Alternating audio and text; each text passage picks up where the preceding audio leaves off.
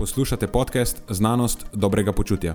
To je oddaja, v kateri odkrivamo, kako lahko znanost pomaga izboljšati vaše počutje in kako kritično razmišljanje omogoča sprejemanje dobrih odločitev na področju zdravja in fitnesa.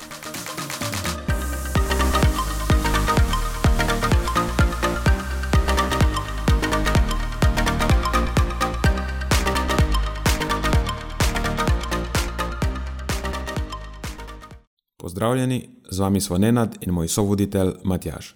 V tokratni epizodi se pogovarjava o zanimivostih zadnjih meritev Valikonove raziskave Nova normalnost, ki spremlja ključne indikatorje odziva javnosti na ukrepe in doživljanje vsakodnevnega življenja v novih pokoronskih razmerah, potem pa pregledava sveže objavljene članke o evoluciji okusa in o vplivih letnega časa in socialnega časa na izločanje melatonina in cirkadijane ritme. Preden začnemo, pa se moram zahvaliti še našim sponzorjem.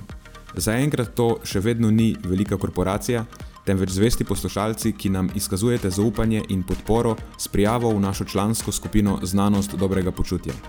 Hvala vsem, ki s tem držite luči prižgane in omogočate podkastu, da raste in postaja še bolj kakovosten. Hvala tudi vsem, ki nas podpirate s pozitivnimi komentarji in visokimi ocenami, ter s tem, da priporočate podcast svojim znancem in prijateljem. Zdaj pa je končno čas za začetek epizode. Uživajte ob poslušanju.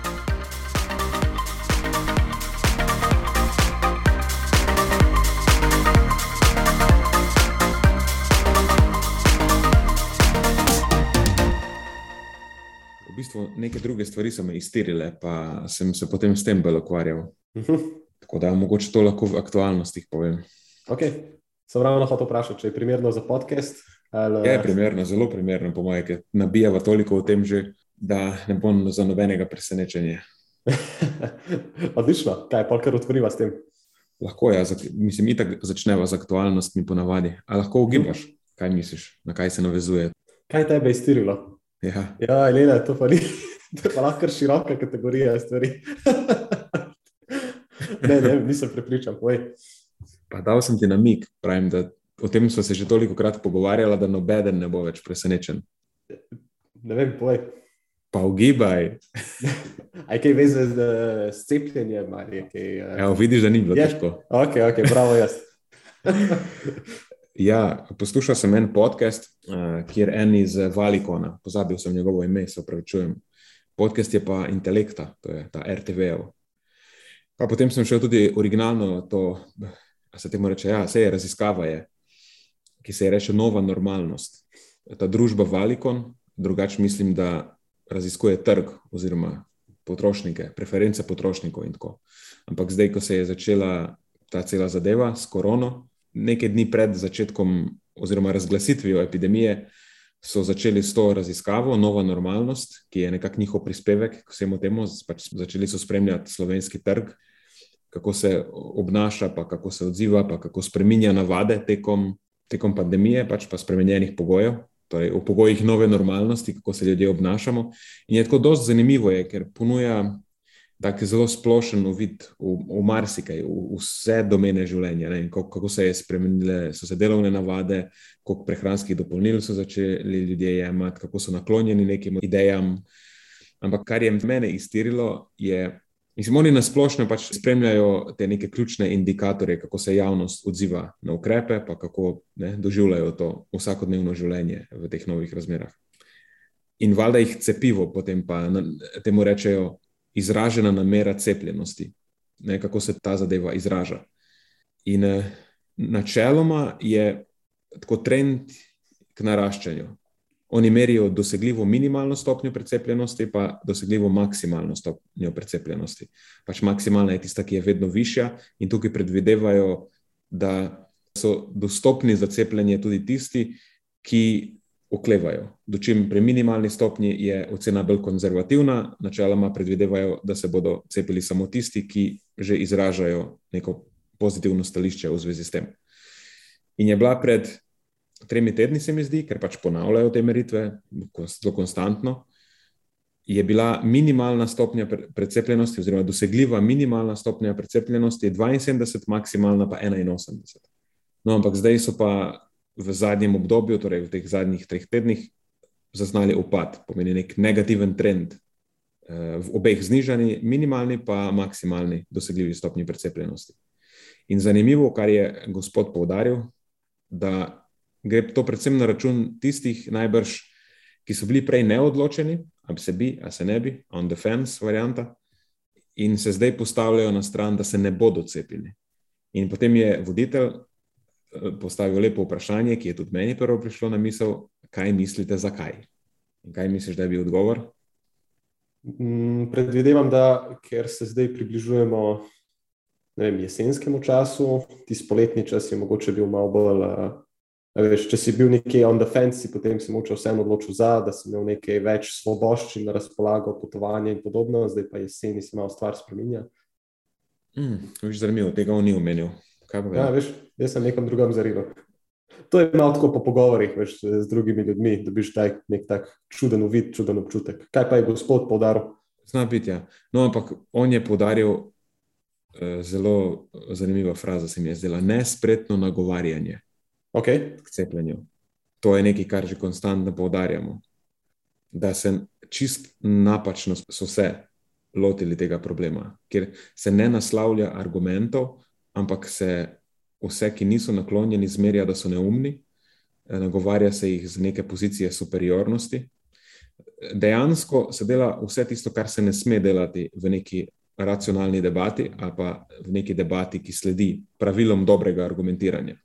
Točno vse napačno se dela. Jaz sicer razumem, da so zdaj že naši zdravniki, pa odločevalci po teh, da so zdaj že ni samo meseci, leta agonije, pa nekih konstantnih poplav neumnosti strani eh, proticepilcev in uvale, da so vsega naveličani. Samo veš, dejstvo je, da tega problema ne moreš rešiti na silo. Težek problem je in je treba vložiti delo in bo zelo naporno. In meni se res zdi, da se ta strategija na silo zdaj že zelo očitno maščuje. A veš, ko ti neke dvomljivce potem zmerjaš, s fitneserji, pa jim rečeš, pa so mišičnjaki, pa kaj pa oni vejo o tem, vemo, kaj, kaj mislim. Ne, recimo, sej, je čisto aktualen primer. Pa jaz absolutno se ne strinjam s tem, kar dela Marko Potrč, res se ne strinjam.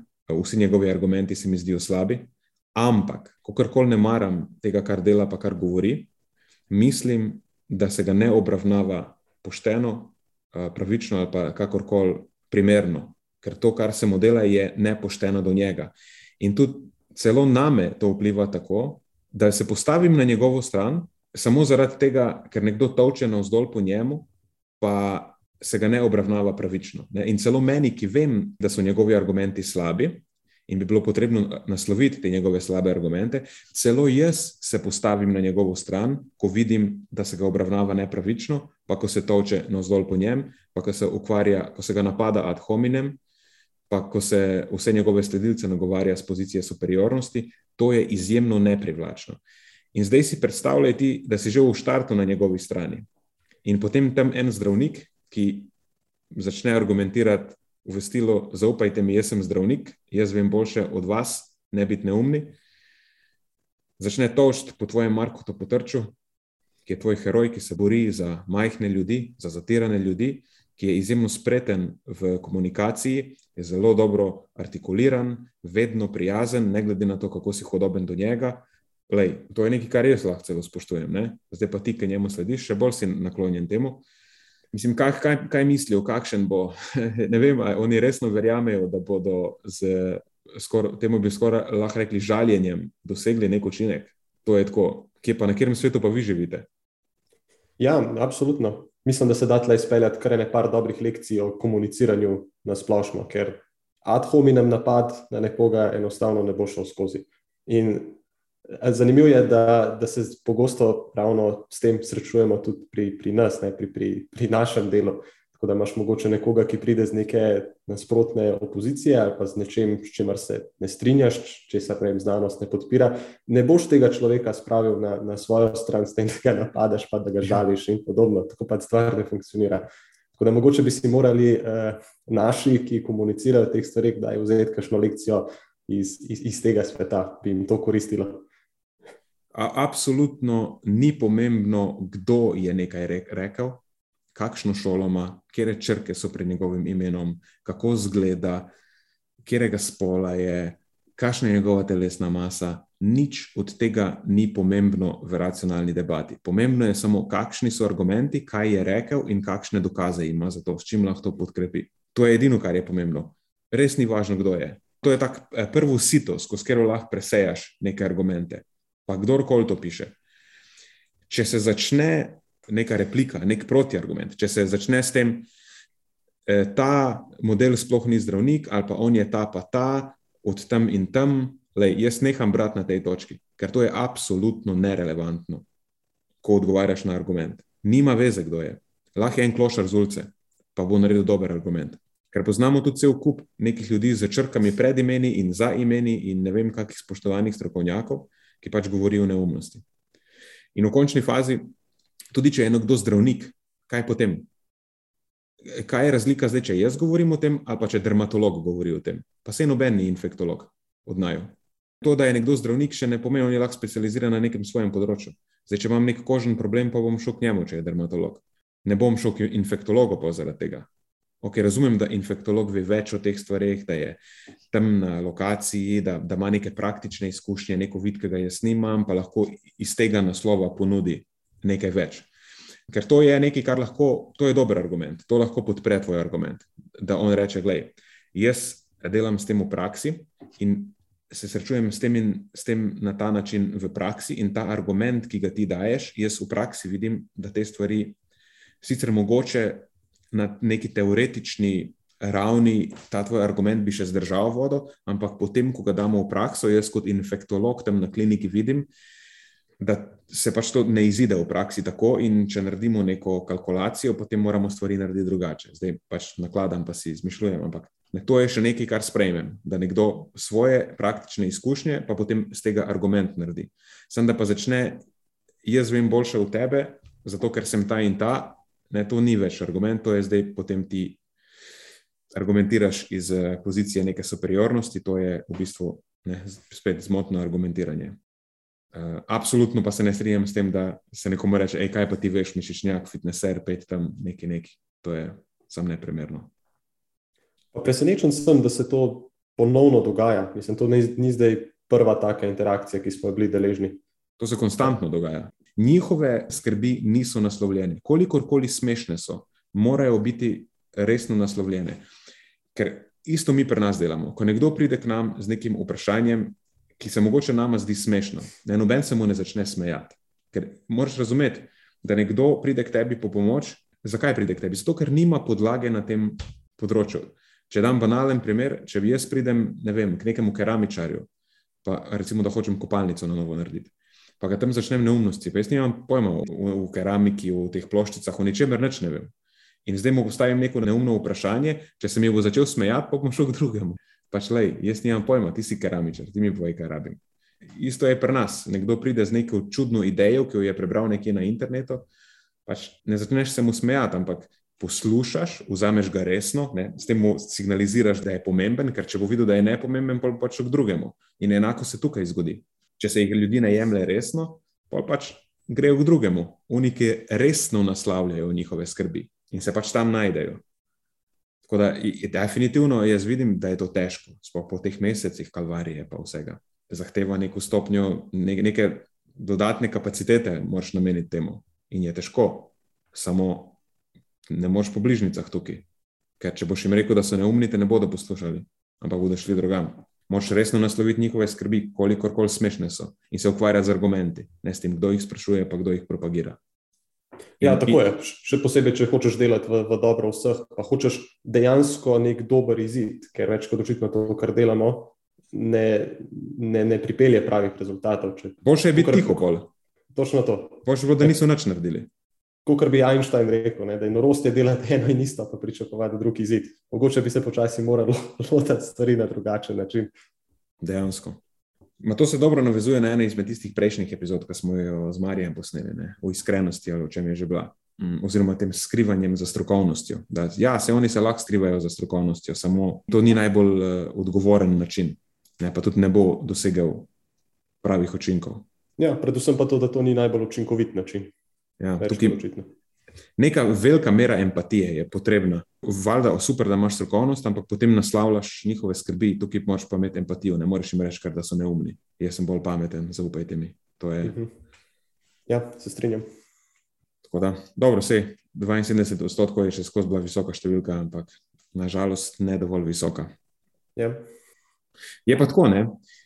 Uh, vse o tem smo se tudi že pogovarjali.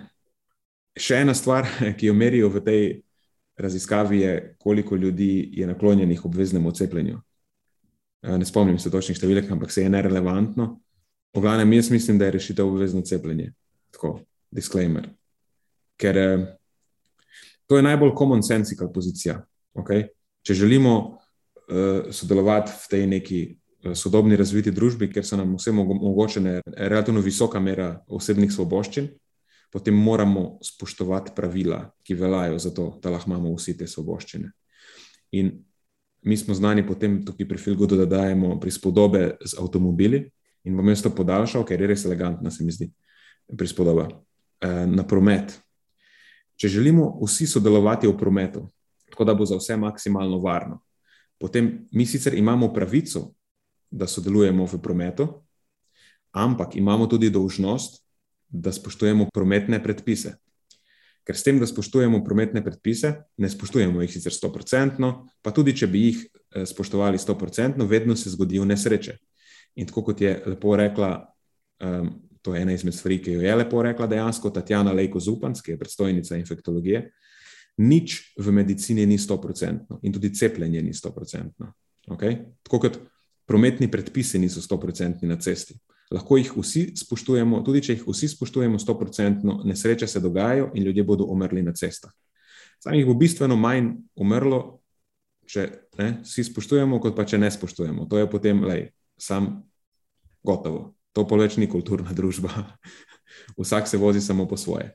In enako potem lahko rečeš, da ne, imaš ti sicer pravico uh, se udejstvovati v družabnem in zabavnem življenju, ampak imaš dolžnost, da spoštuješ zaščitne predpise, ki so podobni kot prometni predpisi, ampak spet so to neki predpisi, tako zdravorazumski, da, ti, da nam vsem omogočajo, da relativno varno sodelujemo v družbi. To ne pomeni, da je 100% varno, ampak je pa dovolj varno, da smo to tveganje še po, uh, pripravljeni sprejeti.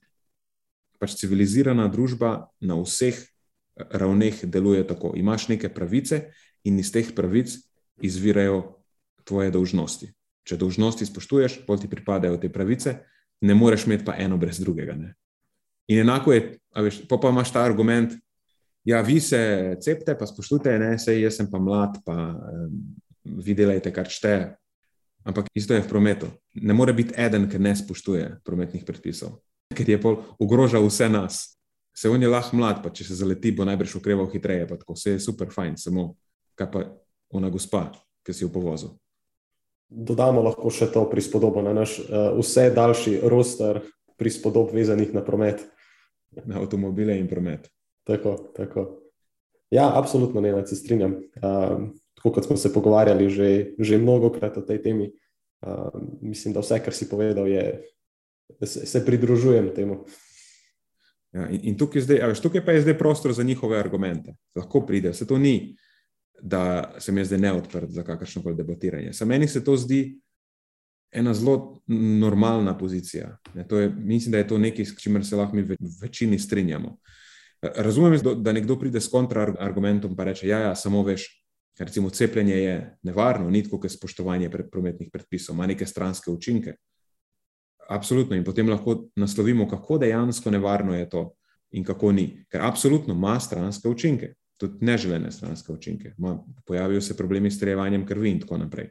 In potem to lahko postavimo v kontekst. Ja, samo veš, vse druge stvari, ki jih počneš v življenju, že tako ali tako, imajo bistveno večje tveganje za vse te stranske učinke. Neke čisto normalne stvari, ki si jih delal prej v življenju, recimo druge vrste cepiv, kontracepcija, tudi sami aspirin in tako neke stvari, ki bi rekel, da so res zelo benigne, imajo bistveno više tveganje za neke stranske učinke kot samo cepljenje. Ne? Tako da tukaj potem moraš zgraditi nekako to kognitivno disonanco. Če se prej nisi prespraševal, a boš vzel aspirin ali ne, ali pa si se ga napil, pa si pol, a veš, drug dan, tako malo gledal, kakšno tabletko lahko vzameš, da ti bo eh, boljše. Pol prvič napil si se alkohola, ki je tako pač toksična substanca, zdaj pa drug dan zdraviš to še s tem, da jemliš neka farmacevtska sredstva in se nisi niti za sekundo vprašal, a je to zate nevarno in ne.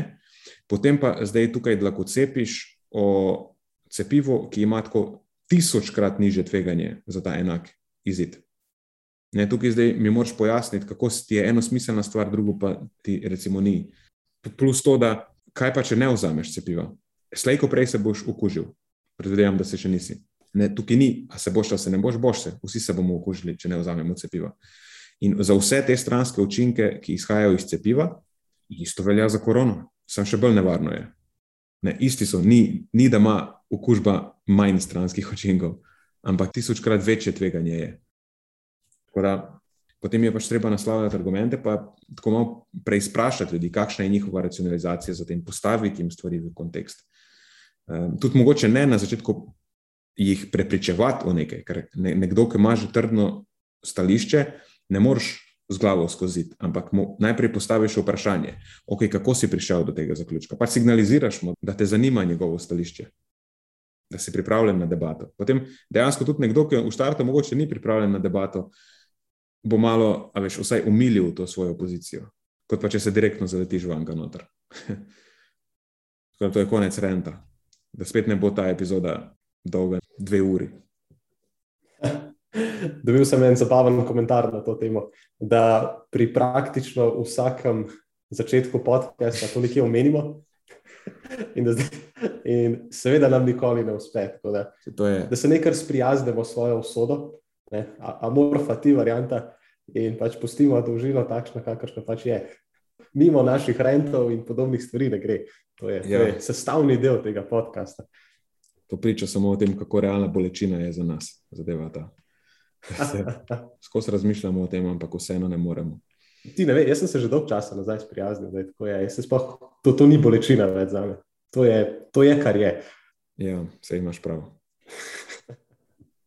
Pa dobro, dokler se ljudje ne pritožujejo, da je predolgo. Ne, ne, ne, glede tega pa ni bilo nobenih pritožb. No, na moji strani vsaj ne. Ja, unike poslušajo, tisti, ki nehajo, pa politik ti ne povejo. Ja, to je sicer res. Sem pa slišal, da nas kdo postavi na tisto pospešeno hitrost, še 1,5 varianta, pa kitajska. Ampak se reko, sej, sem se tudi, tudi jaz počnem druge, kaj, kaj zdaj s tem narobe. Jaz sem to presenečen, ko mi nekdo pove, kaj jaz, ki se zapletam, pol, kako me spoh, že tako me težko razumeš, kako me še lepo na ena, ena in pol razumeš. To je čast. Ja, ti ne vem, zanjčka si dol, ko smo se peljali po tem eh, našem tripu do Budimpešte, si na hitro dal nek eh, pospešen podcast, pa nisem, nisem ničesar uspel ujeti. Tako da vsake čas ne. Ja, vse res, ja, res je, da se navadiš. Ja. Jaz poslušam te podcaste na vsaj ena pa pol, ker drugače je to. Um, dobro je, vse zdaj si me razmišljam o tem. Ja. Če imaš ADHD, potem je to celo zate eh, bistveno boljše. Jaz več retejnem na hitro, ker če je hitrost počasna, potem mi lutajo misli. Uh mhm. -huh. tem, to je eden izmed razlogov, zakaj sem imel probleme v šoli. Recimo. Eh, zelo izjemno težko poslušam uživo predavanje. Ker ko nekdo govori zelo počasi, težko ostanem engagiran. Vsakič, ki je prevelik razmak vmes, ali pa ki se ukvarjamo z nečim, kar se že dvakrat ponavlja, potem odidem in izgubim nit, in potem pridem nazaj. Veš, deset minut kasneje, ko je bilo že nekaj relevantnega rečeno, in zdaj se pogovarjamo čez neki drugi temi. Mimo grede, a potem tudi bereš, ne vem, na splošno bereš, ali pa članke bereš tudi po tisti bolj pospešeni poti. Vem, da obstajajo različne strategije tega. Mm, ne, berem zelo počasi. Ja, zanimivo.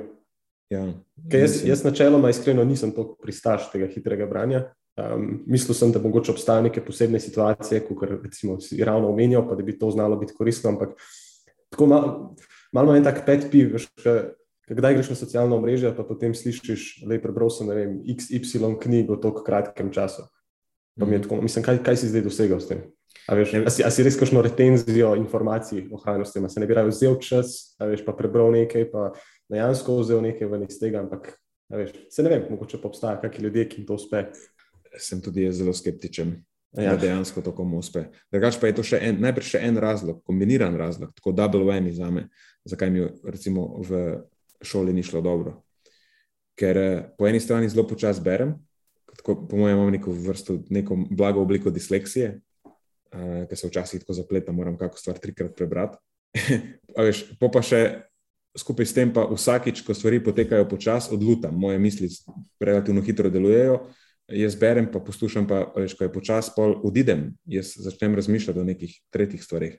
In to se mi dogaja tudi, ker berem včasih, in potem še počasneje berem zaradi tega. Hm.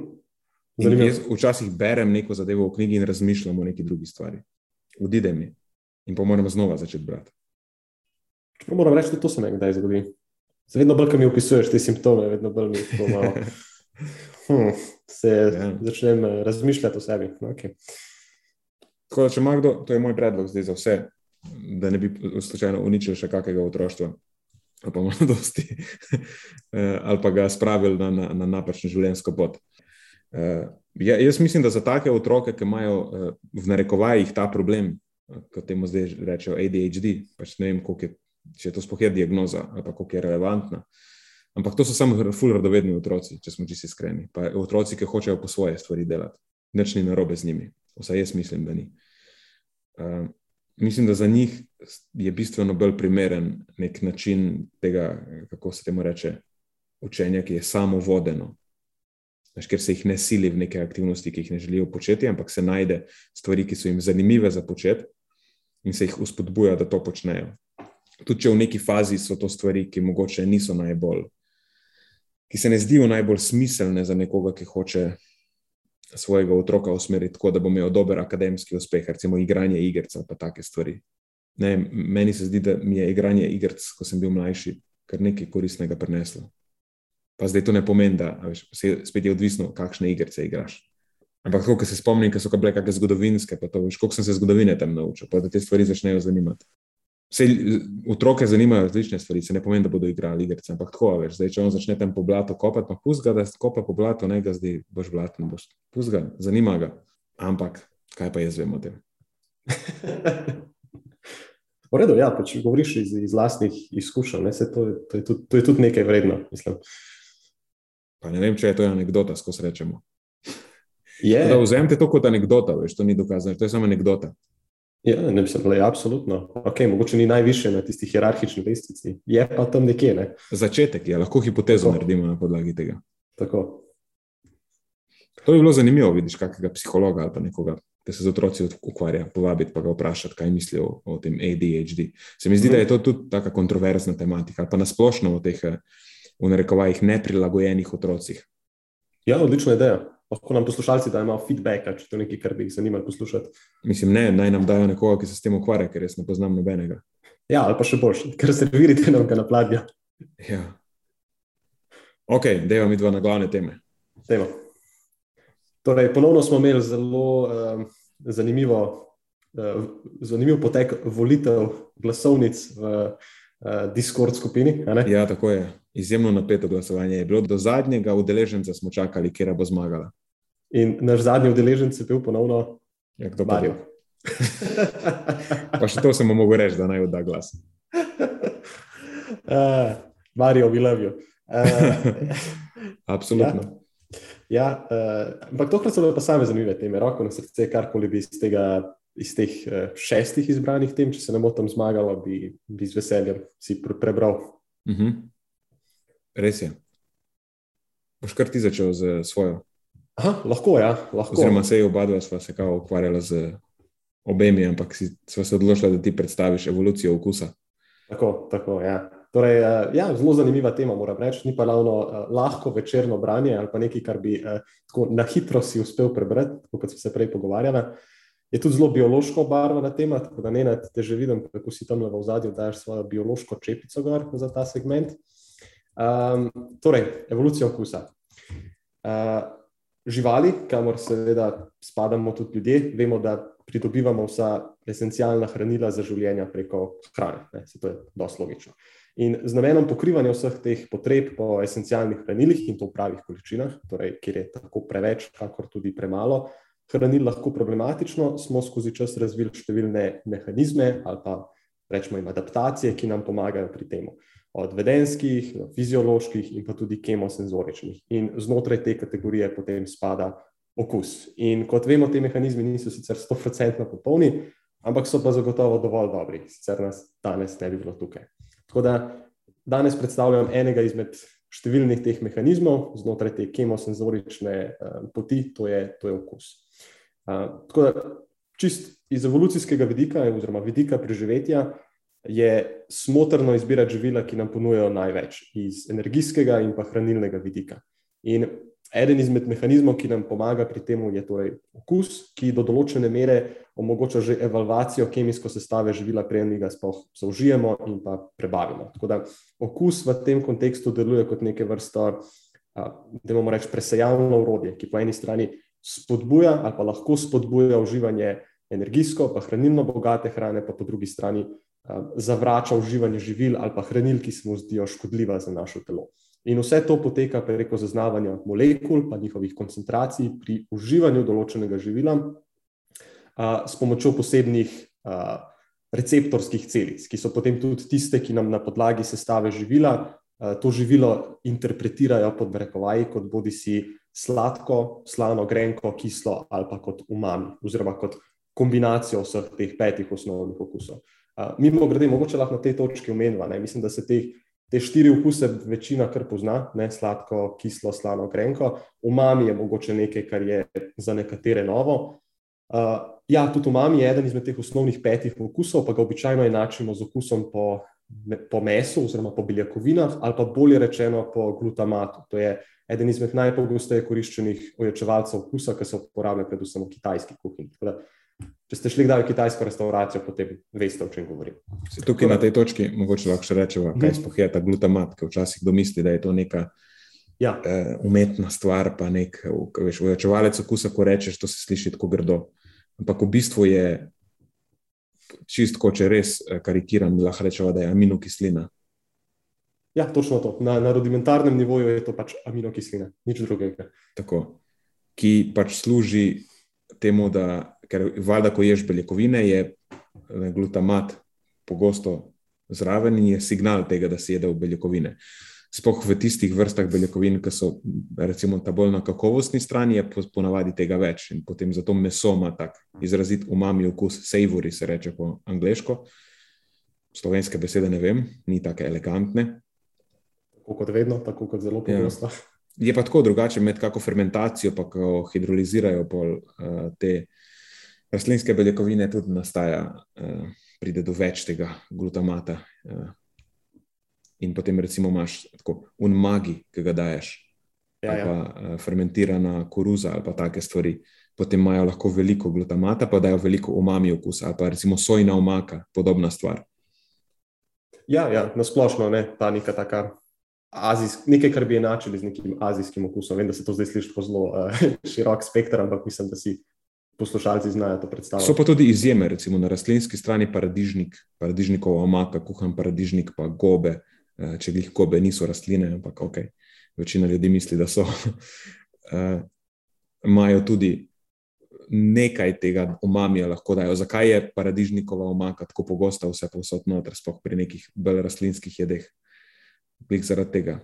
Ja, ker, ker, ker da globino primankuje druge. Ne? Ja. Ok, cool. Ja, super, good point. Um, skratka, vsi ti okusi ali pa preplet teh okusov potem pač bodi si spodbuja ali pa bolj ali manj zavrača uživanje nekih živil.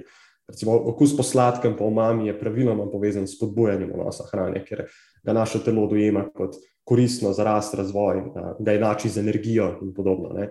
Po drugi strani nam recimo pretirana kisla ali pretirana grenka hrana načeloma ne ugaja, ker nakazuje, da, da je živilo ne, nezrelo ali pa pokvarjeno, da je hrana. Skratka, nekaj, kar nam lahko škoduje. Ne. In zdaj, če si mogoče če pogledamo še malo globje to, ne, izmed teh molekul, ki vplivajo na okus, imajo morda še posebej izrazito vlogo prav neki specifični elementi. In avtori tukaj podarjajo natrij, dušik, kalci, oglik, pa fosfat. In ti elementi naj bi bili še posebej pomembni pri živalih, um, ali pa um, ja, pri živalih, oziroma jih uh, najdemo nekako v manjših količinah v hrani, ki jih te živali jedo. Ne, se pravi, vsi ti elementi so sicer eh, tudi esencialni, ampak pretirano nos po drugi strani je pa toksičen, tako da so nekako regulirani znotraj tesnih meja in spet okus se nekako vklopi znotraj vsega tega. Um, zanimivo je tudi dejstvo, da imajo v bistvu vse živalske vrste bolj ali manj dobro sposobnost uh, okusa in pa da so se ti mehanizmi razvili dokaj neodvisno drug od drugega, ampak imajo vse en veliko nekih skupnih stičišč, nekih skupnih točk. In vse to je potem pripeljalo do razvoja dveh osrednjih frameworkov ali pa modelov evolucijskega razvoja okusa, o katerih se bomo danes malce podrobneje pogovarjali. In prva je tako imenovana teorija biološke stihiometrije, ta druga je pa tako imenovani geometrijski model prehranjevanja. In oba ta dva modela sta sicer komplementarna na nekih točkah in sta se razvili strani ekologov, tako da mogoče disclaimer na tej točki, jaz nisem ekolog, se ukvarjam podrobneje bolj z eno drugo vejo biologije, ki jo poznamo kot prehrano, ampak bom vsem poskušal to interpretirati po najboljših močeh.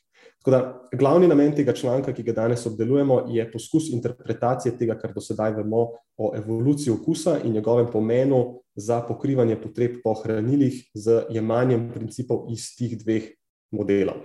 In članek je bil napisan strani uh, raziskovalcev Li in sodelavcev in je naslovljen Understanding the Evolution of Nutritive Taste in Animals: Insights from Biological Stoichiometry and Nutritional Geometry. Pa mimo grede, obstajajo tudi drugi um, frameworki oziroma modeli, uh, sta pa načeloma ta dva najbolj prominentna oziroma najpogosteje koriščena v zadnjih desetletjih, vsaj na tem specifičnem področju razvoja okusa. Tako da, um, mogoče par osnovnih točk v obeh modelih, ta biološka oziroma ekološka stihiometrija deluje na principu tega, da so vsi organizmi sestavljeni iz elementov in to v relativno stabilnem razmerju, in da je hrana, ki jo ti organizmi uživajo ali pa uživamo, predstavlja skrbo za obnovo vseh teh elementov. In potem na podlagi tega to predstavlja neke vrste povod za, uzivanje, za uživanje specifičnih živil v, v večjih količinah, pa spet drugih v manjših količinah, zato zadostimo temu eh, ravnovesju. In potem tukaj znotraj tega mehanizma se vklopi okus. Tako da, če si pogledamo prav specifičen primer, kako bi to izgledalo, in kar so tudi raziskovalci Li in sodelavci naredili, kjer prikazuje princip delovanja te biološke stihiometrije v kontekstu okusa, vsaj je to, da so vzeli nabor treh skupin živil, to so bile ribe, različni sesalci pa insekti. Pa so primerjali njihovo kemijsko sestavo za prisotnost različne koncentracije tistih osnovnih elementov, o katerih sem prej govoril, in so potegnili neko korelacijo ven med prisotnostjo različnih koncentracij teh elementov z okusom. Oziroma, rečeno drugače, vsak izmed teh petih osnovnih elementov, torej natrij, fosfat, dušik, kalcij in oglik, je v višjih koncentracijah najden v vsaj eni spojini, katerega povezujemo s specifičnim okusom v živilu, torej sladko, slano, grenko, kislo, manj. Tako da, recimo, natrij je en tak zelo uh, eleganten primer. Um, povezujemo ga seveda predvsem z okusom po slanem, ne, ker natrijev klorid je kuhinjska sol. Uh, in živila z višjo vsebnostjo natrija se načeloma, oziroma so načeloma bolj okusna, bolj palitabilna, zato da pokrijemo vse potrebe po natriju. In to še posebej velja v situacijah, ko nam ga malce primankuje, recimo, da se ne močno potimo ali pa uživamo hrano revno soljo in podobno.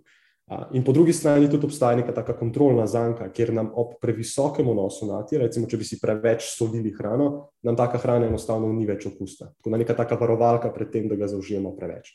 Zdaj, zakaj je natrij tle tako prominenten? Najbrž zato, ker ga ni bilo tako veliko na razpolago v času pred modernizacijo, ker pač nisi jih mogel iti v trgovino, pa si kupiti sol, pa, jo, pa si posoliti hrano, ne? um, ali pa kupiti živila, ki so že naravno bogata soljo, oziroma je sol dodana kot nek v, v samem postopku pridelave, izdelka, ne sira, pa kruha ali kaj takega. Uh, potem naslednji element je tukaj dušik. Uh, dušik je nekaj, ki je element, ki je sicer bogatejši v aminokislinah in ga povezujemo s tistim okusom umami. Torej, eh, tako kot je Nenad prej povedal, da je okus po umamiju stimuliran ravno strani vnosa aminokislin in to primarno strani glutamata, pa tudi aspartata, ki ima ta zelo visok delež dušika. Pri nekaterih drugih eh, žuželkah, pa tudi eh, pri nekaterih drugih živalih, pa je ta isti okus stimuliran tudi strani številnih drugih aminokislin.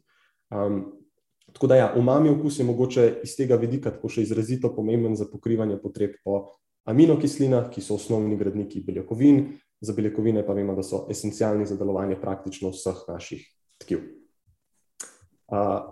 Potem je tukaj fosfat, ki bi ga mogoče bolj kot ne spustil, ker je to nekaj okus za fosfat, po narekovaji nekaj, kar ni tako zelo dobro znano, pa tudi ni pri ljudeh pravzaprav sploh razvito, ampak je bolj značilno za nekatere druge živalske vrste, recimo za glodalce, pa nekatere druge rastlinojede živali. Kalci je mogoče nekaj, kar je pomembnejše za nas, oziroma podnebni okus za različne kalcijeve soli, ki ga tudi zasledimo pri različnih skupinah živali, predvsem pri, pri, pri sesalcih, na splošno, pa pri pticah. In podobno kot za fosfat, tudi pri kalciju velja, da lahko zasledimo bolj izrazit okus za kalcij v primeru rastlinojedih živali ali pa vse jedih živali, za razliko od karnivorov, živali, ki jedo samo meso, ker je ta element najden predvsem v živalskem tkivu in potem pomeni, da karnivori načeloma tako ali tako zadostijo potrebam po kalciju, po nesreči bi lahko tako redli, rekli, ne, za rastlino jede in vse jede živali pa je to malce bolj oteženo in potem jim okus na nek način spodbuja uživanje tega hranila. Tako da, če pač potegnemo črto na tej točki, že relativno enostavna analiza kemijske sestave različnih živil nam omogoča nek potencijalen pogled v osnovne koncepte evolucije razvoja našega okusa. Pač različna živila so bogatejša z različnimi elementi, in to bi bil lahko neke vrste driver našega okusa, ki potem bodi si spodbuja uživanje teh živil do določene meje. In potem, ko dosežemo to mejo, nam ta okus ni več všeč in to deluje kot nek obrambni mehanizem, da ne zaužijemo preveč tega hranila. Tako da s pomočjo teh omenjenih primerov biološke stihiometrije lahko špekuliramo modele za razvoj okusa za, za, te, za natrij, pa za dušik in za aminokisline, tudi za kalcij in fosfat.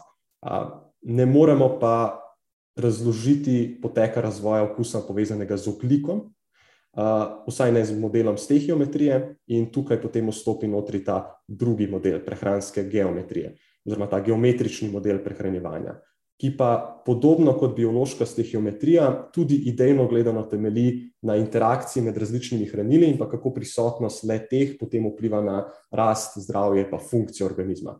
Primarna razlika med obema modeloma pa je v tem, da se prehranska geometrija fokusira na prisotnost različnih makro in mikrohranil, predvsem na aminokisline, na oglikove hidrate, pa na lipide oziroma maščobe in ne na te osnovne kemijske elemente, kot to počne stehiometrija. Tako da to je neka ta glavna razlika med obema. Um, in ta prehranska geometrija nekako predvideva, da bodo živali, ki uživajo nabor najrazličnejših živil z različno osebnostjo, predvsem makrohranil, ravno s pomočjo okusa ali pa okusa v kombinaciji z drugimi mehanizmi, Eh, uspela zaznati prisotnost različnih hranil v prehrani. In s tem bodo doživele neke vrste notranji pritisk, ki bo potem pospešil vnos tistih hranil, ki jih žival bodi si ni sposobna proizvesti sama, ali pa se v naravi nahaja v omejenih kvantitetah. En tak tipičen primer, recimo, bi bil še izrazito razvit okus za živila, bogatejša z vitaminom C. Pri morskih prašičkih, ki so evolucijsko gledano izgubili sposobnost sinteze uh, vitamina C, mimo grede, podobno kot mi, ljudje. Um, Samo da je to pri njih še toliko bolj izrazito. Da, če si pogledamo še en konkreten primer uh, preučevanja razvoja okusa skozi prehransko geometrijo, ne, prej smo dali primer za natrij, dušik, kalcij, fosfat, uh, rekli pa smo, da ne moremo razložiti tistega primera na uh, modelu oglika. Ker oglik, v bistvu zelo pomemben, izjemno pomemben element, je tudi dominanten element v živalih torej tudi pri ljudeh. Ne? In predstavlja primarno gorivo za, na bolj kot ne vse, neke življenjsko pomembne funkcije v našem telesu. Ne? Sam pomislite na, na glukozo in zakaj vse je potrebno. Da, z ozirom na to, da oglika ne moremo sintetizirati sami od sebe, kot živali, in da ga najdemo v različnih koncentracijah, v različnih živilih, ta model prehranske geometrije predvideva, da obstaja neke vrste selekcijski pritisk, znotraj tega spada tudi okus, ki vpliva na to, da bomo do določene mere zaznavali prisotnost koncentracije tega elementa v hrani. Tako da večina živali je nekako všeč okus sladkega v obliki enostavnih oglikovih hidratih, ker se to povezuje z neko energijsko bogato hrano. Obstajajo pa nekatere druge vrste živali, ki celo zaznavajo večji okus v bolj kompleksnih oglikovih hidratih. Kar se mi zdi tako zelo zanimivo, recimo, da bi ti bila ne vem, neka priloga tako veliko bolj všeč kot nekaj, nekaj sladkega. Um, In spet po tretji strani, večini pa nam ne ustrezajo kompleksnejše vlaknaste strukture v obliki celuloze, zato ker tam ni nekih koristnih hranil za nas. Tako da zdi se, da je tudi okus za oglikove hidrate nekako reguliran znotraj nekih tesnih meja. Ne? Pa mogoče tudi lahko na tej točki omenim še eno zanimivo korelacijo med, tem, med velikostjo živali, pa njihovo presnovno stopnjo in potrebami po tem ogliku. Ker uh, ima velik delež manjših živali, ki imajo višjo presnovno stopnjo, recimo črli, pa kolibri so tako izrazit primer, imajo še posebej izrazit, uh, izrazito razvit okus za sladko, zato da lahko podpira te njihove izjemno visoke energijske potrebe. In ravno obraten efekt lahko zasledimo pri večini večjih živali, ki imajo proporcionalno gledano nižjo presnovno stopnjo z višanjem velikostjo telesa. Tako da tudi okus v tem primeru narekuje neke prehranske odločitve živali. Pa podobne primere bi lahko tudi izpeljali za nekatere druge spojine, ki vsebujejo oglik, recimo za, za lipide, ampak se ne bom spuščal pretirano v to. Omenil bi še to, se mi je zdel precej zanimivo ker velik delež tega, kar sem do zdaj govoril, je to, zakaj imamo mi kot živali še posebej izrazit nek specifičen okus. Drugo zanimivo vprašanje pa je, zakaj nekatere živali sploh nimajo določenega okusa. Recimo, izguba okusa je za sladko, predvsem je značilno za številne mesojede živali, recimo netopiri so en tak tipičen primer. Uh, in te izgube specifičnega okusa so deloma povezane z nekim pač postopnim evolucijskim prehodom živali na hranjenje, na neko prehransko specializacijo, kot bi lahko temu rekli, ki potem več ne vrši pritiska na enega izmed teh receptorjev za okus. Pri netopirjih se je to recimo zgodilo kot posledica tega, da so uživali vedno manj oglikovih hidratov in so potem postopno prešli na izključno karnivorno prehrano. To ni več vršilo pritiska na tako imenovani T1R2 receptor za okus in njegova funkcija je bila sčasoma izgubljena. Zdaj pa ne, malo za šalo, malo za res, ne, Se ti zdi, da se bo to tudi pri nas zgodilo, pri naših karnivor prijateljih? ne, ne bo se zgodilo, zato ker to se dogaja čez generacije in s pomanjkljivo ja. prehrano ne moš producirati zdravih otrok. Odlično, super, dobro. Selekcijski pritisk je tukaj močen. Odlično, odlično. Seveda, da lahko da je to odlično odgovor. Ja, res je, to se ne zgodi kratko, če, čez noč, varianta, to se pač dogaja skozi generacije in generacije. In kot je Neven zelo dobro povedal, uh, tle so še številni drugi problemi, ki bodo nastopili, preden se lahko to sploh zgodi. Da, dejansko selekcija, potencirana skozi generacije, rabi izjemno, tako, izjemno majhen margin. Je. E, samo nekaj odstotkov prednosti lahko pomeni, da bo en, ena vrsta gena ali pa en ali izrino drugega iz populacije e, skoraj čist. Ne, zdaj pa, ko govoriš o neki prehrani, ki tako oslabi tvoje reprodukcijske sposobnosti, mislim, tako zmišljujem si, ampak za polovico, ne, to je katastrofalno. To je potem, lej, to je izjemno, izjemno močen selekcijski pritisk. Ja, res je. Um, kar bi znalo vršiti veliko nekih problemov za, za potomce. Uh, plus, zdaj tako nimamo neki, bi me pa zanimalo, sej ne verjamem, da je. Karnivorstvo je nekaj precej novega. Ne vem, če se kdo ukvarja s tem več kot pet ali pa deset let. Vse se ne more. Vse se ne more, ja, točno to. ne, se, šalim se. Lej, ljudje lahko počnemo neumnosti zelo dolgo časa. In dokler je to znotraj ene generacije, spoh težko včasih ugotoviš, kakšne so dejanske posledice. Vse tudi ti sam s sabo se ne moreš primerjati. Kako pa veš, da ti neka druga prehrana ne bi dela bolje? Se nimaš dvojčka v istih življenjskih pogojih, ki ga hraniš z neko drugo hrano. Ne, pa še takrat imaš dejansko imel samo dva udeleženca, kar je bistveno premalo. Res je. Da, ljudje smo dobri v tem, pač, da se slepimo. In lahko bi nekdo zdaj nam reče, čisto anekdotalno, da jaz sem 15 let že jem samo meso, počutim se odlično. Ok, sam, kaj pa če bi se počutil boljše, če bi povedal še kaj drugega zraven. Ne? Lahko se počutiš dobro kljub temu, ne zaradi tega. Tako, tako. Se strinjam. Ok, jaz samo še zaključim to temo, pa ti pa predam besedo. Um, omenil bi seveda, da obstajajo številne omejitve tega v večini pregleda literature, no, razen tistega eksperimentalnega dela. Ne mislim samo dejstva, da smo še zdaleč od tega, da imamo dosti informacij, da bi lahko spletli neko celotno zgodbo skupaj, ampak več kot očitno obstajajo neki mehanizmi, ki so se razvili skozi zgodovino našega razvoja, kjer je tudi okus upleten v to, kar jemo in bodi si spodbuja ali pa zavrača hrano v odvisnosti od naših potreb. In razvili naj bi še posebej izrazito okus za tista hranila, ki jih pač nasplošno nismo v preteklosti našli veliko v naši hrani in so na nek način limitirajoča za rast in razvoj, in pa v prvi vrsti signalizirajo prisotnost energije.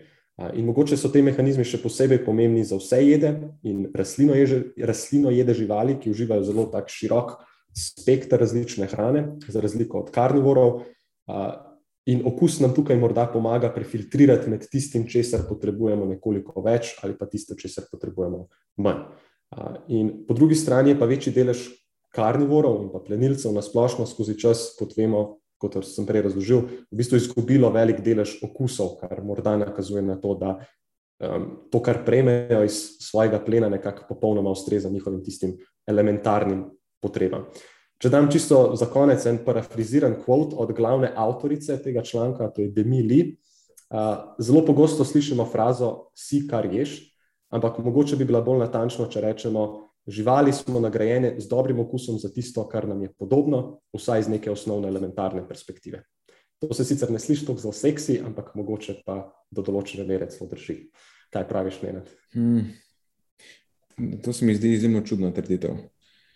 Zaradi tega, ker nismo nagrajeni za to, kar nam je podobno. Oni v članku tudi omenjajo, izjemno všeč mi je ta koncept elementne homeostaze. Pač to samo govori o tem, da organizmi imamo zelo omejeno sposobnost spremeniti svojo kemično sestavo, tudi če uživamo hrano, ki je zelo drugačna, oziroma kjer je kemična sestava je, je zelo drugačna. V osnovi so stvari, ki jih jemo, spoh ljudje ali pa živali, ki so vse jede na splošno, izjemno variabilna. Ne? Meni je izjemno okusno meso in izjemno okusne so mi tudi špageti ali pa kruh ali pa take stvari, ali pa v končni fazi sladkarije. To, nič, eno mi je zelo podobno, drugo mi je pa izjemno njimi podobno. Tako da se mi zdi ta trditev nekako čudna.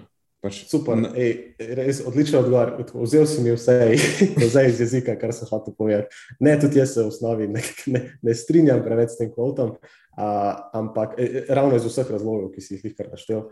Uh, plus, da se mi zdi, da sem najbolj nagrajen, nagrajen pod narekovaj, takrat, ko jem pač enostavno sladko hrano, samo sladkor kot tak. Uh, ampak ok. okay. Še en nauk, ki ga lahko potegnemo iz tega, je prej, ki si omenjal živali, ki imajo hitrejšo presnovno stopnjo, recimo, rabijo več sladkorja ali pa imajo povišeno željo po sladkorju. Lej, pri ljudeh je enako. Veš, nimamo mogoče povišene presnovne stopnje na račun neke bazalne presnove, ampak lahko jo imamo povišeno na račun telesne dejavnosti. Tako da pri športnikih, recimo, to je klasičen primer, oni so kot kolibriji. Skoraj jih moraš filati z nečim, tako pol ure brez hrane, pa začnejo propadati. Mislim, šalim se, ampak ne, dejansko je vzorec prehranjevanja pri nekih športnikih, ki imajo izjemno visoko stopnjo telesne dejavnosti, mora biti podoben kot pri teh nekih živalih, ki se res morajo hraniti na vsake pol ure, drugače umrejo. Konstantno ga moraš filati z nekim virom energije, drugače začne zgubljati vsaj na performancu, če ne celo na splošno na zdravju. To je, to je izvrsten kot športniki, so kot kolibri. Ja. Ali pa šmrli, izberite. Ali pa šmrli, ja. Zato je meni biologija zanimiva, ali pa tako fascinantna.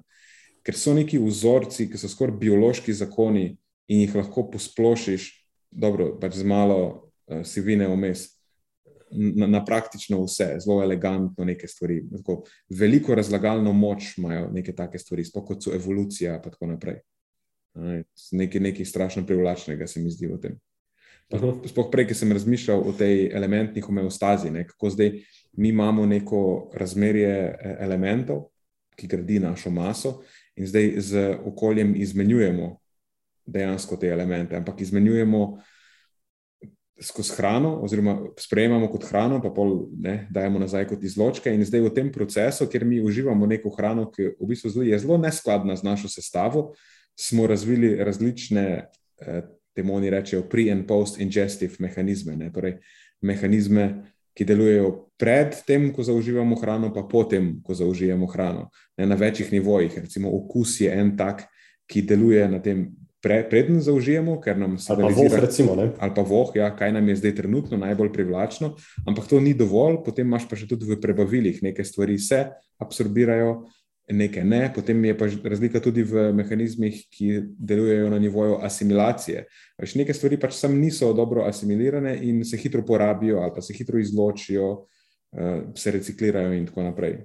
Eh, in je pač res fascinantno, kako.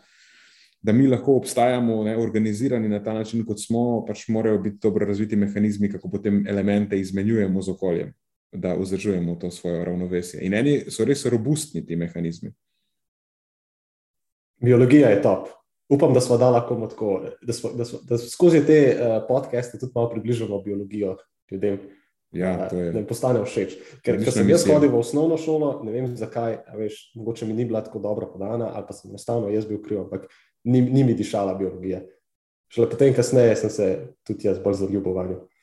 Jaz sem bil pri biologiji v srednji šoli od naše profesorice Enemy Number One. To je bilo mi, da so bila, mi dva so bila trnopeti in drug, z drugim veš kak. Po mojem se me še zdaj spomnim. to je ta nera. Kar je zanimivo obrat je potem to. Zanimiva je ta moja izkušnja. Tudi profesorica matematike, niso si blagih všeč, moram ti reči. Zdaj, o, da bi te videla zdaj. Pač, ja, ne, izjemno nenavadno, ampak tako se pač stvari obrnejo. Ja. Evo, nič, to je bil, eh, to je bil segment o okusu. Ne vem, kaj si nam ti serviral, kaj nam boš serviral. Jaz se nadaljujemo po poti biologije, sem da bomo zašli na področje kronobiologije, eh, oziroma z melatoninom, v bistvu se bomo ukvarjali. V osnovi je članek Skeldona Indika, ki je komentar na eno osnovno raziskavo Zerbinija in sodelavcev, naslov pa je Weekly Seasonal and Chronotype Dependent Variation of Dim Light Melatonin Onset. Je pa tako, da oni so se odločili, da raziščeta ali pa pravite odgovoriti na neka fundamentalna vprašanja o tem, kako se uh, utirja ta človeška cirkadijana ura, uh, oziroma kako na to delovanje naših teh notranjih cirkadijanih ur vplivajo predvsem lokalni čas, družbeni čas, pa izpostavljenost svetlobi, oziroma te neke sezonske spremembe v ciklu svetlobe in teme. In preko mehanizem, preko katerega so to preverjali, je melatonin, oziroma melatoninski cikel, oziroma še bolj natančno, en marker, ki se mu reče dim light melatonin onset. Zdaj nisem poiskal dejansko slovenskega strokovnega prevoda, če sploh obstaja, ampak gre se za ta, ta dim light melatonin onset, v bistvu označuje trenutek, ko se v pogojih neke temačnosti, ne, ko zaide sonce, recimo, ko je intenzivnost svetlobe postane nizka, potem se začne izločati melatonin. Da, to je ta trenutek, ko se nam zvečer začne izločati eh, melatonin. In to naj bi bil zelo dober marker te cirkadijane faze. Nekaj nam pove o tem, kako je ne, naš cirkadijani ritem uh, utirjen. Zdaj, raziskava je bila zanimiva, sem trpi za par enimi, ne vem, če temu lahko rečemo pomanjkljivosti, ampak Težava nastane, ker je naša cirkadijana biologija izjemno kompleksna in dosta stvari, ne, ne nujno, da jih ne vemo, samo težko jih je ločiti eno od drugega. Um, pa mogoče na začetku, predem zaidemo v to, da pojasnim par stvari, spoh izrazov, ki so zelo specifični za področje kronobiologije. Um, najprej, kar se tiče cirkadijanih ur, pa to so mehanizmi, tako zdaj bom res karikiral, mehanizmi v naših celicah, praktično vse celice imajo svojo cirkadijano uro in ta cirkadijana ura narekuje, kako one delujejo, oziroma kako se sinhronizirajo v skladu z nekim ritmom aktivnosti, pa ne aktivnosti, ki ga pričakujejo, ali pa ki vlada v okolju. In to je ena zelo pomembna evolucijska prilagoditev, ker če ti hočeš Eh, optimizirati delovanje nekega organizma, ki se nahaja v nekih pogojih, potem je smiselno, da ga organiziraš tako, da ne potekajo vse presnovne poti naenkrat, ampak da so bolj pospešene tiste, ki so v tistem trenutku najbolj koristne, pa so zavrte tiste, ki v nekem trenutku niso najbolj koristne. In če predvidevaš, da smo ljudje, ne predvidevaš, ampak ljudje dejansko smo. Torej, če predvidevaš, da delaš z živaljo, ki je aktivna po dnevi, pa ne aktivna po noči, potem načeloma je fajn, da imaš stvari sinhronizirane tako, da po dnevi celice pričakujejo, da bodo mogle biti zelo presnovno aktivne, da bodo mogle producirati neko energijo, da bodo mogoče tudi asimilirale neka hranila bolje. Po drugi strani pa takrat, ko je čas neaktivnosti, torej ko je zunaj tema, pričakuješ, da bo potekala neka pač regeneracija, ne, da bo telo v tem eh, postabsorptivnem stanju, da se bo da bo v narekovajih stradalo, ne, da bo rabila biti spodbojena produkcija, recimo glukoze in tako naprej, lastne. Uh, in to je naloga teh cirkadijanih ur, da je telo organizirano tako, da je čim bolj v skladu z svojim okoljem. In melatonin je tukaj pri tem en pomemben signal. Ni edini, ampak je en precej pomemben signal. Um, je pa tako, da imamo eno glavno cirkadijano uro, ki smo rečemo Master Circadian Clock, ki se nahaja v uh, suprakiazmatskem jedru hipotalamusa. Je to je en zvonik sredi mesta. Vsak obrtnik v mestu, recimo, ima lahko svojo uro, po kateri deluje. Evo, še, recimo, ne vem, pek ima svojo uro, pa malo prej ustane, pa začne peč. Veš, un, ne vem, nek, kaj pa jim dostavljalec ima svojo, pa malo kasneje ustane, pa v trgovinah začnejo še kasneje delati. Ampak v osnovi, kljub temu, da ima vsak nek svoj ritem, vsi skupaj gledajo na zvonik, koliko je ura. Ne? In ta glavna cirkadijana ura, da naš zvonik, ki imamo pač v, v glavi, se najbolj odziva na svetlobo. In en signal, s katerim sporoča, koliko je ura, je melatonin. Takrat, ko je melatonin visok, je načeloma ura pozna, pa je zunaj tema, ne tako. Potem vsi ti naši peki, pa prodajalci, pa dostavljalci to zadevo vidijo. Um, je pa zgodba zapletena zato, ker ni tako, da zdaj lahko ta glavni zvonik povozi vse ostale ampak se tudi nazaj odziva na druge ure. Recimo v jedrih je ura, da je neke outpute, oziroma se odziva na neke inpute, recimo na, na hranjenje se zelo odziva. In potem, če se recimo hranimo pozno zvečer, potem lahko tudi to spremeni delovanje naše glavne cirkadijane ure, oziroma ali je pa vsaj aktivnost teh naših jedrnih celic drugačna. Pa smo manj sposobni asimilirati neke stvari in tako naprej, pač shendlati s tem, kar pojemo. Da, zlo, te stvari so zelo med sabo prepletene. Ne? Tudi vedenski vzorci potem vplivajo, veš, ne, eh, pač mišično krčenje, pa vse te stvari potem en, enako so nek signal, ki lahko spremeni delovanje naših ur. Eh, tako da vedno poteka. Ja, rečemo, da je v glavi sicer ta, ne, hipotalamus, glavna ura, samo težko je potem to ločiti od tega nekega. Ta glavna cirkadijana ura se odziva predvsem na svetlobo. Ne, to je glaven input za glavno uro. Svetloba, pa potem prek melatonina. Samo težava je, ker tudi vedenski vzorci potem A vplivajo na druge cirkadijane ure, ki lahko potem nazaj vplivajo na glavno, po drugi strani pa tudi naši vedenski vzorci oziroma ta nek socialen čas eh, lahko nekako loči ta naraven cikl svetlobe in teme. Ne. Zdaj, če sem jaz pozno zvečer aktiven, pa delam pri močni svetlobi, eh, bo to vplivalo, ali pa recimo, kdaj sem izpostavljen močni svetlobi, ali sem bil v prvi polovici dneva, ali v drugi polovici dneva, in tudi kakšen dejansko je moj kronotip. Vse to zelo tako, težko je dati neke dokončne uh, odgovore. In mislim, da se je raziskava ta je bila precej elegantno, so jo zastavili, tudi uporabljali so te uh, blue light blockerje v raziskavi, da bi, bi probali ločiti ta dejansko. Um, ta šum, ki nastane, če je nekdo zaradi poznejšega tega socialnega časa ne, izpostavljen svetlobi tudi eh, pozneje zvečer, kljub temu, da je recimo zunaj že tema ali kaj takega. Jaz sem naredil za dost uvoda zdaj v to.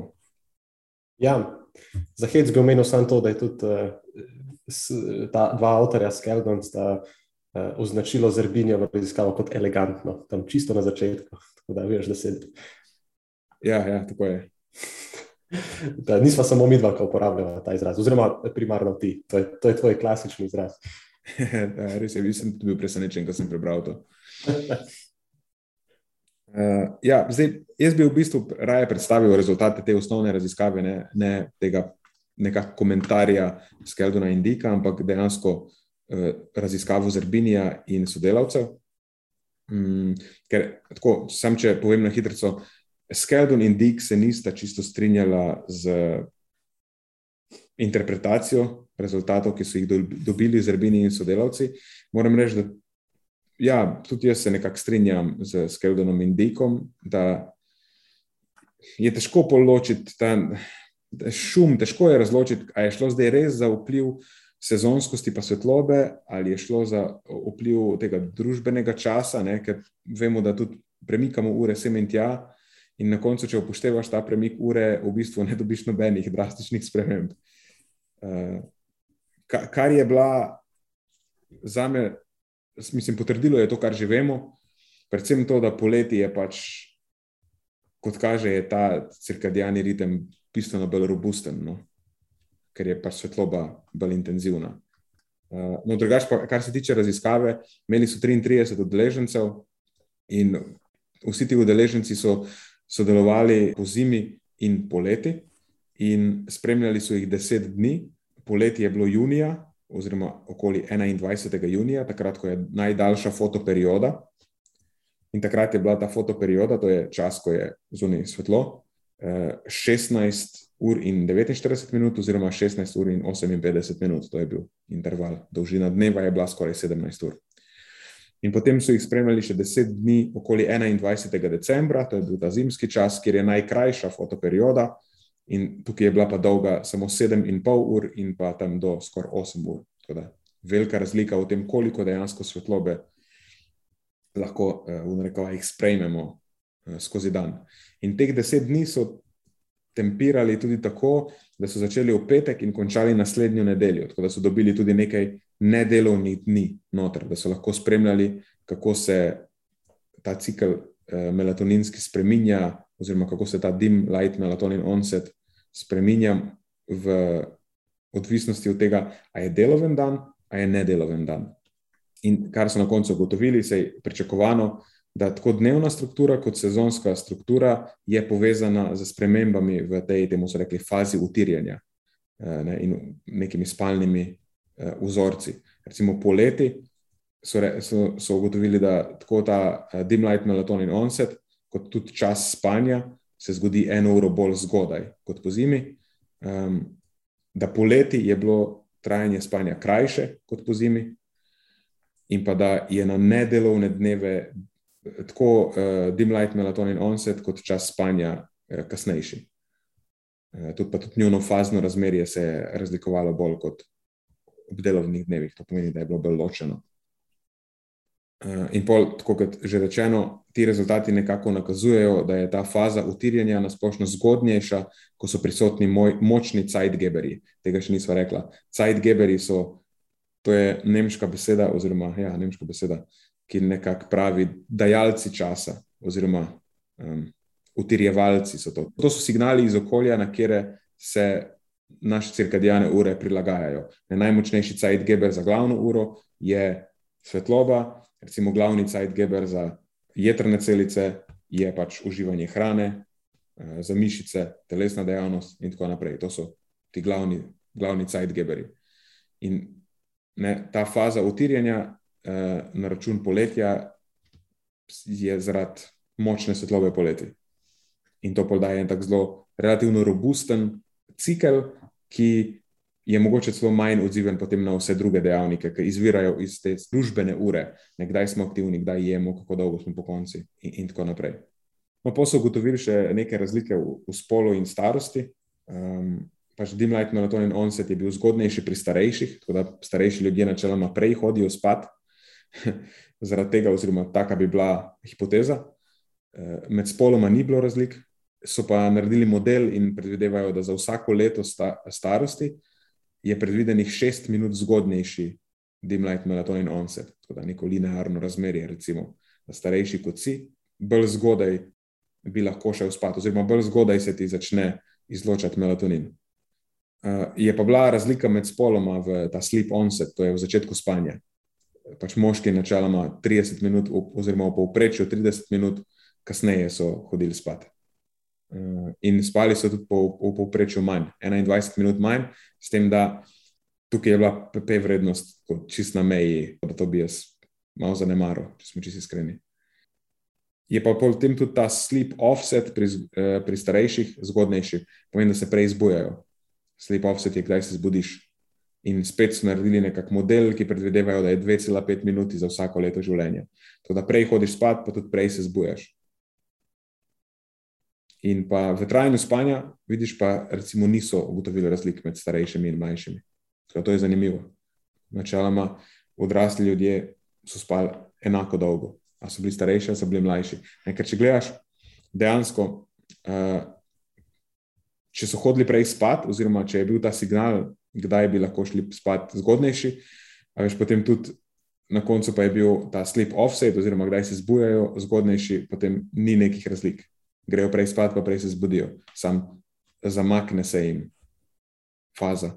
Eh, po je bil še ta vpliv sezone, kjer eh, je bil, oni so rekli, da je bil učiten učinek sezone na izločanje melatonina in na timing spanja. Ne, to so že rekli, tudi, da je bil pač kasnejši po zimi, v primerjavi s poletjem, da so eno uro uh, kasneje hodili spat po zimi. Samo je pa tako, da je potem tukaj prišlo do nekih komplikacij s tem premikanjem ure. Tako da, če upoštevaš to premikanje ure, se stvari zelo hitro zgladijo. In uh, sicer spet so ugotovili, ne, da je tudi bil v povprečju ta sleep onset kasnejši po zimi, v povprečju 35 minut, pa da je bil offset kasnejši, v povprečju eno uro, in da na ta račun so ljudje po zimi spali pol ure dlje. Tako da to je bila neka zanimiva sprememba. E, to se mi pa zdi tudi, da je edina tako zelo relevantna sprememba oziroma ugotovitev, da po zimi ljudje spijo dlje. Ker sam, sam ta premik faze um, se mi ni zdel tako dosto učiten, sploh ko upoštevaš potem dejanski premik ure. Se mi zdi, da tukaj je, je dost zapletlo to, uh, ta družabna ura oziroma družaben cikl. In bolj nauk tega, eh, sploh ko enkrat preveriš podatke, kako ta vpliv dneva, ne, kako, kakšne so razlike med delovnimi in nedelovnimi dnevi, eh, vidiš, da tudi to zelo močno vpliva na na, na vzorec obnašanja, pa potem tudi na ta dim light, melatonin, onset. Ker enkrat, pač, ko moraš iti v službo, je stvar bistveno bolj strukturirana, pa pa vidiš, da na nedelovnih dnevih je tako pač stvar. Ja, je, je stvar začela iti čisto svoje. Uh, tako da bi rekel, da je nauk, glaven nauk te zgodbe, je, da smo ljudje zelo prilagodljivi, kar se tega tiče, in da se tudi na razne premike ure in tako Eh, prilagodimo zelo hitro. No? Zelo hitro se utirimo v te neke nove navade. In da je najboljše, kar lahko narediš, eh, da se ne zdaj obremenjuješ z nekimi tukaj malenkostmi, pa kako bo premik ure vplival na te, pa kako bo premik, ne vem, boš šel kasneje delati ali boš šel prej delati ali kakorkoli. Da sem probaš večino časa vzdrževati neke standardne pogoje. Da ni zdaj tudi, da se ukvarjaš nekaj s to sezono, pa a dlje sveti sonce, a ne sveti sonce dlje, ampak samo da držiš svetlobo intenzivno okoli sredine dneva, da je najbolj intenzivna. Recimo, ne, če deluješ po tem eh, ciklu normalnem, da nimaš kakšne nočne službe. Eh, sicer pa pač, da imaš nek zelo konstanten urnik. In bolj konstanten urnik, kot ti uspe vzpostaviti, najbrž bodo boljši odzivi. Ne. To je pa tudi nekaj, kar v drugih raziskavah ugotavljamo tudi kar se tiče strukturirane dejavnosti, strukturirane eh, prehrane, strukturirane telesne dejavnosti. Um, stvari načeloma potekajo bolje, a pa markerji izgledajo bolj ugodni, če stvari so strukturirane, da ni kar vse počez. In mislim, da tudi rezultati te raziskave več ali manj povejo podobno. No? Da sicer stvar vpliva na to, kdaj se začne melatonin izločati, ampak da se potem precej hitro prilagodi, če lahko temu tako rečemo. Ti malo me, malo me to spominjal na, na eno stvar, ki je, ki je pa krožila v fitnes svetu okoli treninga nekaj časa nazaj, pa se mi je zdela tako dosti irrelevantna in ravno nakazuje to, koliko smo, koliko smo prilagodljiva bitja. Uh, se je pa šlo za to, ne, kako je razlike v tem, da treniramo zjutraj ali popoldan, in kako naj bi bilo popoldan bistveno boljše zaradi nekih boljših markerjev mišičnega odziva, elastičnosti, nek boljši core temperature in podobno. Pa se mi zdelo tako izjemno irrelevantno. Ne? Izberi nekaj, drži tisto klasično strukturo, kar je le lahko. Uh, mogoče se res izogibaj ekstremom, ne, ne greš jih trenirati ob 4 zjutraj, pa potem ob 7 zvečer, ampak veš, samo da je, ne, ne pa da, da tle, lahko cepimo glede takih stvari, ker si pogosto generalna populacija tako, tako ne more izmišljati. In imamo tudi številne primere iz prakse, kjer se je to zgodilo, kjer so nekateri naši varovanci postopno mogoče prišli iz jutranje v popoldanski termin ali pa obratno, pa potem se tega držali, so se vedno navadili tega. Da je tak um, majhen siderein, ampak um, malo me spomnim na to, še posebej, ko se omenja mišično krčenje kot nek um, vpliv, ne nek ta uh, zajdgeber. Mm -hmm. Mislim, da ja, zelo dobro opiše z eno besedo to raziskavo od lahko cepljenje. Zanimivo je prebrati z vidika, da nekako so zdaj oni tega lotili, kaj so probali ugotoviti. Čistko teoretično je zanimivo, ampak praktična aplikacija ni praktična aplikacija. Pač ti, ti neki mehanizmi so pač taki so in se hitro prilagodijo, tudi vprašanje, kakšen dejanski vpliv imajo.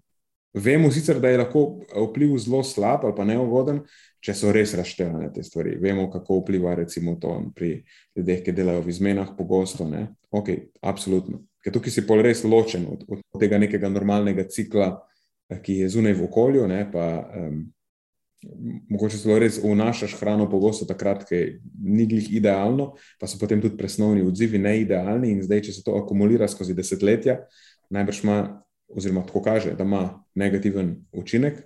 Ampak za tu in tam in pa kakšne minimalne spremembe, pa mislim, da res smo ljudje tako fleksibilni, da se s tem nima smisla preveč ukvarjati.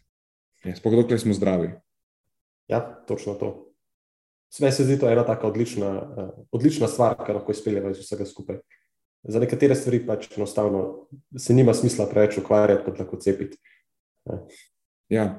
Tako da veš ta sezonskost, ja, ok, malo se bo zadeva spremenila, ampak še zmeraj je važno, kaj večinoma časa delaš v svojem dnevu. Zdaj, a je poletje, a je zima, je to skoraj, po mojem, praktično nerelevantno. Dokler se držiš nekega svojega urnika, ki je še relativno v skladu z tem normalnim ciklom svetlobe, pa teme, ali pa recimo aktivnosti, pa budnosti. Da so te stvari približno poravnane. Ker zdaj ena ura gor ali dol nima veze, da se boš prilagodil. Problem nastane, če je to, ne vem, tako 4, 6, 8 ur na razen, ali pa ko potuješ recimo v, čez, preko časovnih pasov. To, to je ja. potem problem, ker si čist ločen. Ja, sej še ena stvar, ki jo lahko tudi spet opazimo v praksi. Takoj, ko pride do teh menjav ure, ne, ura naprej, nazaj, mislim, da imajo, tudi jaz imam mogoče kdaj, špar dni imaš mogoče malo težav, potem se pa prilagodiš. Evo, to ja. to. točno, če točno to so, so pol eh, v komentarju napisali, da izjemno hitro pride do prilagoditev. Ne, dokler je to ena urca, je to le en dan, pa si noter. A ni super biološki ustroj to naše telo? Ja. Odlično. In uh, kakšen kronotip si ti, ne? Jaz sem zgodni kronotip, jaz ostanem v petih. Uh -huh. uh, načeloma, sploh poleti, ko je zunaj svetloba, pol, nimam več kaj početi po isli. Po zimi je malo drugače, lahko malo potegnem, ker je zunaj tema, ker me pač ta svetloba ne moti, ampak izjemno hitro postanem zaspan. Uh, tako že začnem se izklapljati ob sedmih, ob osmih ampak potem tudi zelo hitro se vklopim in nimam absolutno nobene težave. Jaz lahko zjutraj skočim iz posle in gremo. Ja, mislim, da smo mi vsi trije z Marijo bolj zgodni kronotipi. Kdaj je občasno vidim, kakšno sporočilo od Marija, tudi ob pol petih zjutraj, moče ima to čim drugega, kdaj veze, ampak ja, bolj smo zgodni kronotipi. Videla ste sicer bolj izrazita, tudi zdaj, ko smo bili na tem potovanju v Budimpešti, ko sem jaz vstal, sta vidva delovala budna, tako že kakšno uro vsaj. ja. ja, to je res. Je. Ja. Ok. Super. Še en, another one in the box, bi ti rekel. Pripeljala so jo do konca. Tako. In nažalost, spet je predolgo. Vzelo, spet predolgo.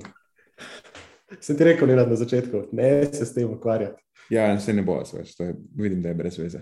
Ja, absolutno. absolutno. To je za tokrat vse iz naše strani. Hvala, ker ste poslušali do konca. Delite epizodo s svojimi znanci in prijatelji in jo priporočajte dalje, saj s tem omogočite, da sporočilo znanost dobrega počutja doseže čim večjo množico. Hvala vsem, ki nas podpirate s članarino in tudi vsem ostalim, ki delite podcast dalje in nam izkazujete naklonjenost z visokimi ocenami in pozitivnimi komentarji. Se slišimo prihodnjič, do takrat pa ostanite premišljeni.